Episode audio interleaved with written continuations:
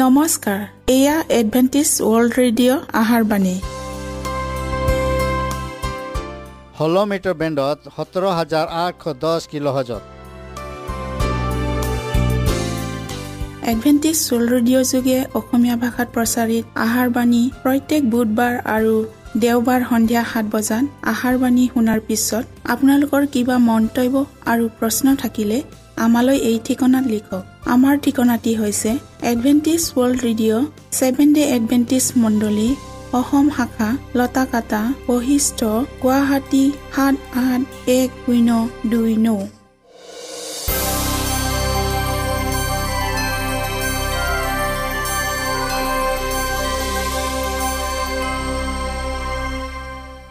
প্ৰিয় শ্ৰোতা বন্ধুসকল এতিয়া শুনো আহক এটি খ্ৰীষ্টীয় ধৰ্মীয় গীত।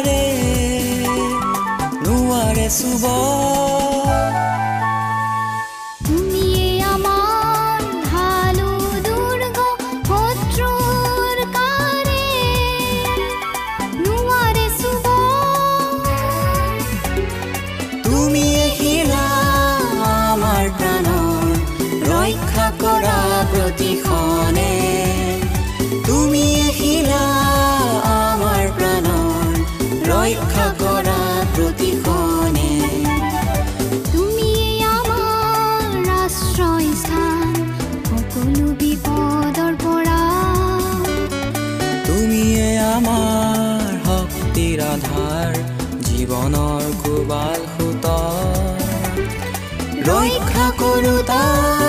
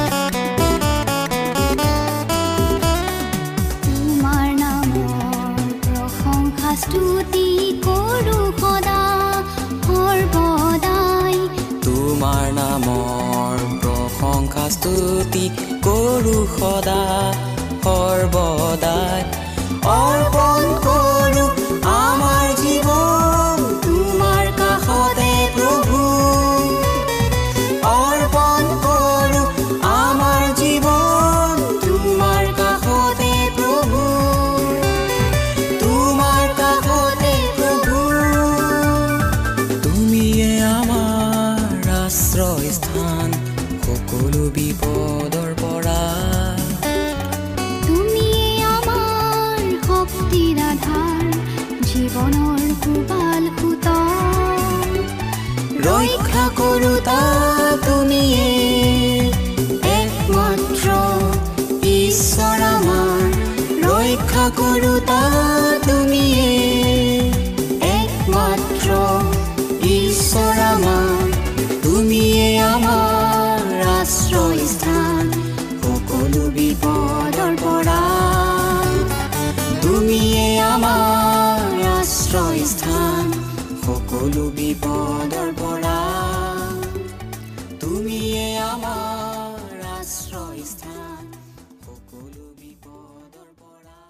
প্ৰিয় শ্ৰোতা বন্ধুসকল আহক আমি খন্তেক সময় বাইবেল অধ্যয়ন কৰোঁ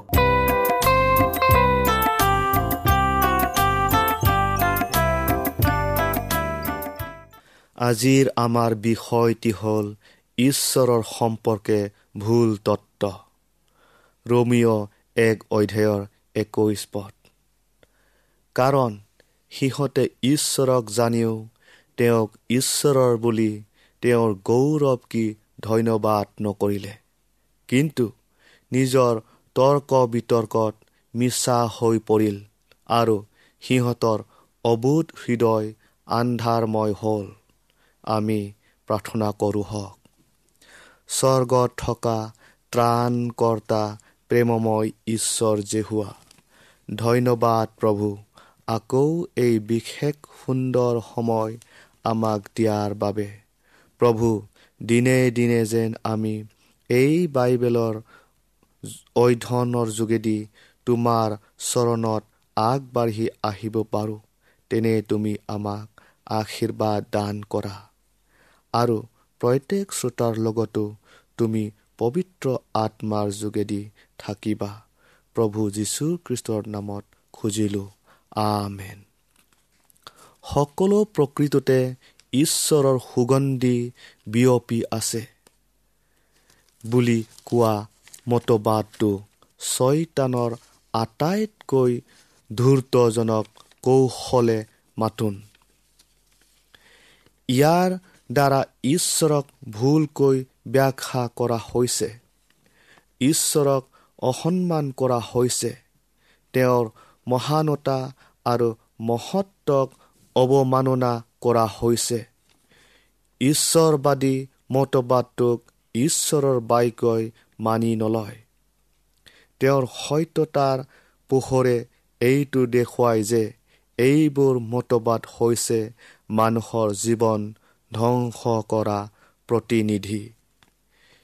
ইন্দ্ৰিয় পৰায়ণতাই হৈছে সিহঁতৰ পৰিধি।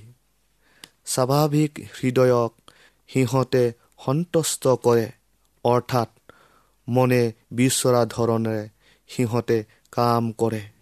আৰু এইদৰে পশ্চাদগামী হ'বলৈ প্ৰমাণ পত্ৰ দিয়ে।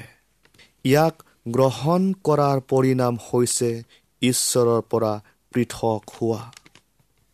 অৱশ্যে এতিয়াও এনে এটা শক্তি আছে যি শক্তিহে মানুহৰ হৃদয়ত তিতাপি লোৱা দুষ্টতাক আজৰি উলিয়াই আনিবলৈ সক্ষম। আৰু এই শক্তিটো হৈছে যীশুখ্ৰীষ্টৰ থকা ঈশ্বৰৰ শক্তি। যিজনা ক্ৰুচত বলি হ'ল মাত্ৰ তেওঁৰ তেজৰ দ্বাৰাহে পাপৰ পৰা আমাক সূচী কৰিব পাৰে। মাত্ৰ তেওঁৰ অনুগ্ৰহৰ শক্তিয়েহে আমাক ধৰি ৰাখিব পাৰে। আৰু আমাৰ পাপত পতীত প্ৰকৃতিৰ পাপ প্ৰবঞ্চনাক দমন কৰি ৰাখিব পাৰে। ঈশ্বৰৰ সম্পৰ্কে থকা আধ্যাত্মিকতাৰ যিবোৰ মতবাদ সেইবোৰ একো কামত নাহে। সকলো প্ৰকৃতিতে বিয়পি থকা ঈশ্বৰ যদি এটা সুগন্ধিত হয় তেন্তে তেওঁ সকলো মানুহতে বাস কৰে আৰু তেতিয়াহ'লে পবিত্ৰতা লাভ কৰিবলৈ হ'লে মানুহে মাত্ৰ তেওঁৰ ভিতৰত থকা শক্তিখিনিকহে উন্নতি কৰিব লাগিব অথবা বঢ়াই ল'ব লাগিব। এই মতবাদবোৰ যুক্তি তৰ্ক শাস্ত্ৰৰ সিদ্ধান্তৰ দ্বাৰা পৰিচালিত। আৰু এই গোটেই খ্ৰীষ্টান বিধিটোকে বহিষ্কাৰ কৰে। তেওঁলোকৰ বাবে পাপ প্ৰায়শ্চিতৰ কোনো প্ৰয়োজন নাই। আৰু সিহঁতে মানুহকে নিজৰ ত্ৰাণকৰ্তা কৰি লৈছে। ঈশ্বৰৰ সম্পৰ্কে থকা এনে মতবাদে তেওঁৰ বাক্যক মূল্যহীন আৰু অৰ্থহীন কৰিছে। আৰু যিসকলে এইবোৰ গ্ৰহণ কৰিছে তেওঁবিলাকে এক ভয়ানক বিপদত ভৰি থৈছে। কাৰণ ইয়াৰ দ্বাৰা সিহঁতে ভাবিবলৈ বাধ্য হ'ব যে গোটেই বাইবেলখনেই মিছা কাহিনীৰে ভৰা এখন গল্প কিতাপহে বুলি। সিহঁতে অৱশ্যে নানা ধৰণৰ উত্তম উত্তম যুক্তি আগবঢ়াব পাৰে। কিন্তু ঈশ্বৰক তেওঁৰ সৰ্বভৌমকতাৰ স্থানৰ পৰা আঁতৰাই সেই স্থানত মানুহৰ ক্ষমতাক প্ৰতিষ্ঠিত কৰিছে যি ক্ষমতা ঈশ্বৰ অবিহনে নিৰ্তৰ্ক। সহায়হীন মানৱে নিজৰ শক্তিৰে দুষ্টতাক প্ৰতিৰোধও কৰিব নোৱাৰে। পৰাজয়ো কৰিব নোৱাৰে। জীৱন ৰক্ষণাবেক্ষণৰ প্ৰাচীৰ ভাঙি চূৰ্ণ বিচূৰ্ণ হ'ব। পাপৰ বিৰুদ্ধে থিয় হ'বলৈ মানুহৰ একোৱেই নাথাকিব। যেতিয়া ঈশ্বৰৰ বাক্যক নালাগে বুলি পৰিহাৰ কৰা হয় আৰু পবিত্ৰ আত্মাক আগ্ৰহ কৰা হয় তেতিয়া পাপৰ গভীৰতা আমি কিমান তল গৈছোঁ তাক আমি গমকে নাপাওঁ। যিসকলে এতিয়াও এই আধ্যাত্মিকতাৰ মতবাদক এতিয়াও বিশ্বাস কৰি আছে তেওঁবিলাকে সিহঁতৰ খ্ৰীষ্টান অভিজ্ঞতাক বিনষ্ট কৰিছে আৰু ঈশ্বৰৰ লগত থকা সম্পৰ্কক ছেদ কৰিছে আৰু অনন্ত জীৱনক হেৰুৱাই লৈছে। প্ৰথম তিমতী ছয় অধ্যায়ৰ বিছ পদটো চাওঁ হওক। হে তিমতীয় তোমাক যি গতাই দিয়া হ'ল তাক পহৰা দি ৰাখা। আৰু ধৰ্ম নিন্দাযুক্ত বক বকনিৰ পৰা আৰু কলিপদ বিদ্যাৰ বিপৰীত বাক্যৰ পৰা বিমুখ হোৱা। নিউ হাজপেয়াৰ বুলি এখন ঠাইত এনে কিছুমান মানুহ আছিল যিসকলে ঈশ্বৰৰ সম্পৰ্কে নানা ধৰণৰ ভুল ধাৰণা আৱিষ্কাৰ কৰাত অতি নিপুণ আছিল। এই মানুহবিলাকে সত্যতাক সিহঁতৰ ধাৰণাৰে নিষ্ক্ৰিয় কৰিছে আৰু স্বাধীন প্ৰেম বিবেদন নীতি প্ৰচলন কৰিছে। সিহঁতে ঈশ্বৰৰ সম্পৰ্কে কাল্পনিক মতবাদ উলিয়াই লোকসকলক পুচলাইছে। আনসকলৰ মাজত এইটো ধাৰণা পোষণ কৰা দেখা গৈছিল যে যিসকলে এবাৰ পবিত্ৰকৃত হয় তেওঁলোকে পাপ কৰিব নোৱাৰে আৰু এই বাণীটোকে সিহঁতে সুবাৰ্তা ৰূপে প্ৰচাৰ কৰিছিল। সিহঁতৰ প্ৰতাৰণা পূৰ্ণ প্ৰভাৱৰ গধুৰ বজাৰ সৈতে সিহঁতৰ ভ্ৰান্তিজনক মতবাদে সিহঁতৰ বিপক্ষে আৰু আন লোকৰো বৃহৎ ক্ষতি সাধন কৰিছিল। সুন্দৰ অলংকাৰেৰে মেৰিয়াই ৰখা এই মতবাদৰ বিভদসকৰূপ ৰূপটোক দেখা পোৱা নাছিল। তেওঁবিলাকৰ ওপৰতে এই আধ্যাত্মিকতাবাদৰ শক্তিয়ে ক্ৰিয়া কৰিছিল। ইতিপূৰ্বে ইয়াৰ পৰা বহুতো কুপৰিণাম পোৱা গৈছিল। সকলোৱে পবিত্ৰ এই তত্বৰ বশৱৰ্তী হৈ এইটোক বিশ্বাস কৰিবলৈ লৈছিল যে এবাৰ পবিত্ৰকৃত হোৱাৰ পিছত পাপত পুনৰ পতীত হোৱাৰ কোনো ভয় নাথাকে। এনে বিশ্বাসৰ ফলত হৃদয়ৰ কু অবিলাবোৰ পূৰণ কৰাৰহে সুযোগ আহিছিল আৰু যিটোক পবিত্ৰকৃত কৰা হ'ল বুলি ভবা হৈছিল সেইটো পবিত্ৰতাৰ আৰু সৎ আচাৰ ব্যৱহাৰৰ পৰা দূৰৈত আছিল। এয়া এটা মাথোন উদাহৰণহে। এনে ধৰণৰ অসংখ্য উদাহৰণ আছে যি তিৰস্কাৰ পোৱাৰ যোগ্য। মানুহৰ ভিতৰত এটা সৰু ঈশ্বৰ আছে আৰু ইয়াৰ দ্বাৰা মানসিক দেহ পবিত্ৰ হয়। এনে ধৰণৰ মতবাদ সঁচাকৈয়ে গৰিহণাৰ পাত্ৰ। সুদূৰ ভৱিষ্যতে মানুহে নিজে বনাই লোৱা নিয়ম নীতিৰে শাস্ত্ৰত সত্যতাক নকল কৰা হ'ব। এক নিৰাপদ নিৰ্ভৰযোগ্য তত্ত্ব বুলি প্ৰতাৰণাপূৰ্ণ মতবাদবোৰকে উপস্থাপন কৰা হ'ব। ভ্ৰান্তিজনক অসত্য বিজ্ঞান হৈছে ছয়তানৰ এটা কৌশল যাক সি স্বৰ্গটো প্ৰয়োগ কৰিছিল আৰু আজি সি তাক ইয়াত ব্যৱহাৰ কৰিছে। প্ৰিয় শ্ৰোতাবন্ধুসকল যিবিলাকে ঈশ্বৰৰ বাবে কাম কৰি আছে তেওঁবিলাকক মই এই নিবেদন কৰিছোঁ। তেওঁবিলাকে যেন প্ৰকৃতটোক বিচাৰোঁতে কৃত্ৰিমটোক গ্ৰহণ নকৰে। আমাৰ এখন সম্পূৰ্ণ বাইবেল আছে যিখন অতি মূল্যৱান সত্যতাৰে পৰিপূৰ্ণ। কোনো মানুহে ধৰি লোৱা বিষয় অথবা অনিশ্চিত বিষয় অথবা অনুমানিক বিষয়ক গ্ৰহণ কৰাৰ প্ৰয়োজন নাই। আৰু এনেবোৰ বিষয়ৰ বাবে উত্তেজিত হোৱাৰো অৰ্থ নাই। প্ৰিয় বন্ধুসকল খ্ৰীষ্টৰ শিক্ষাবোৰতে সত্যতাৰ শোভা ওলাই আছে। সোণৰ ধূপাধাৰৰ পৰা সুগন্ধি ওলাই থকাৰ দৰে এই শিক্ষাই জীৱনক অনুতাপিত কৰাই সলনি কৰি পেলাই অতি সৰলভাৱে সত্যৰ আখৰ কৃষ্টক জগতৰ আগত দেখুৱাই দিয়া আৰু ঘোষণা কৰা যে তেওঁ এই জগতত মানৱ জাতিটোক পাপৰ পৰা উদ্ধাৰ কৰিব আহিছিল আৰু এনে ক্ষমতাযুক্ত বাণীয়ে পৃথিৱীবাসীক ভাবিবলৈ বাধ্য কৰিব। বাইবেলত নথকা কোনো তত্ত্ব অথবা বিষয় কেতিয়াও উত্থাপন নকৰিবা। ঈশ্বৰে আমাক সকলোকে আশীৰ্বাদ কৰক।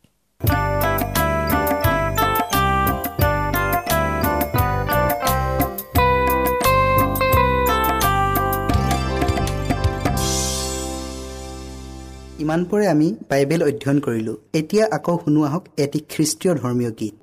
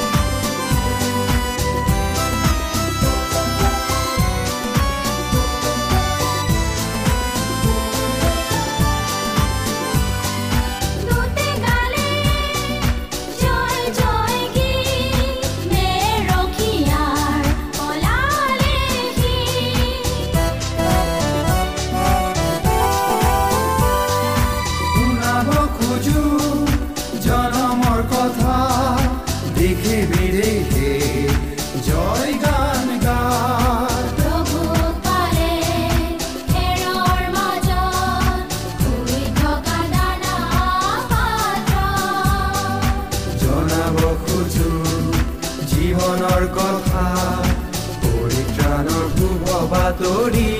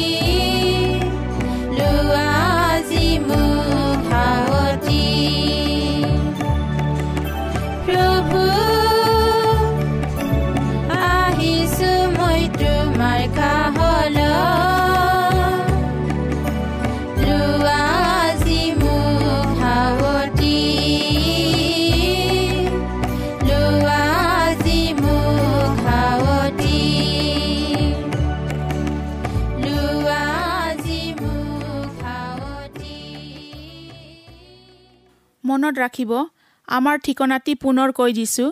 Adventist world radio' Assam region of seven day Adventist voice of hope Latakata Basistha Guwahati seven eight one zero' two nine প্ৰিয় শ্ৰোতা বন্ধুসকল এডভেণ্টিজ ৱৰ্ল্ড ৰেডিঅ' যোগে আহাৰবাণী প্ৰচাৰত আপোনালোকক পুনৰ লগ পোৱাৰ আহাৰে আজিলৈ সামৰিলোঁ। ধন্যবাদ।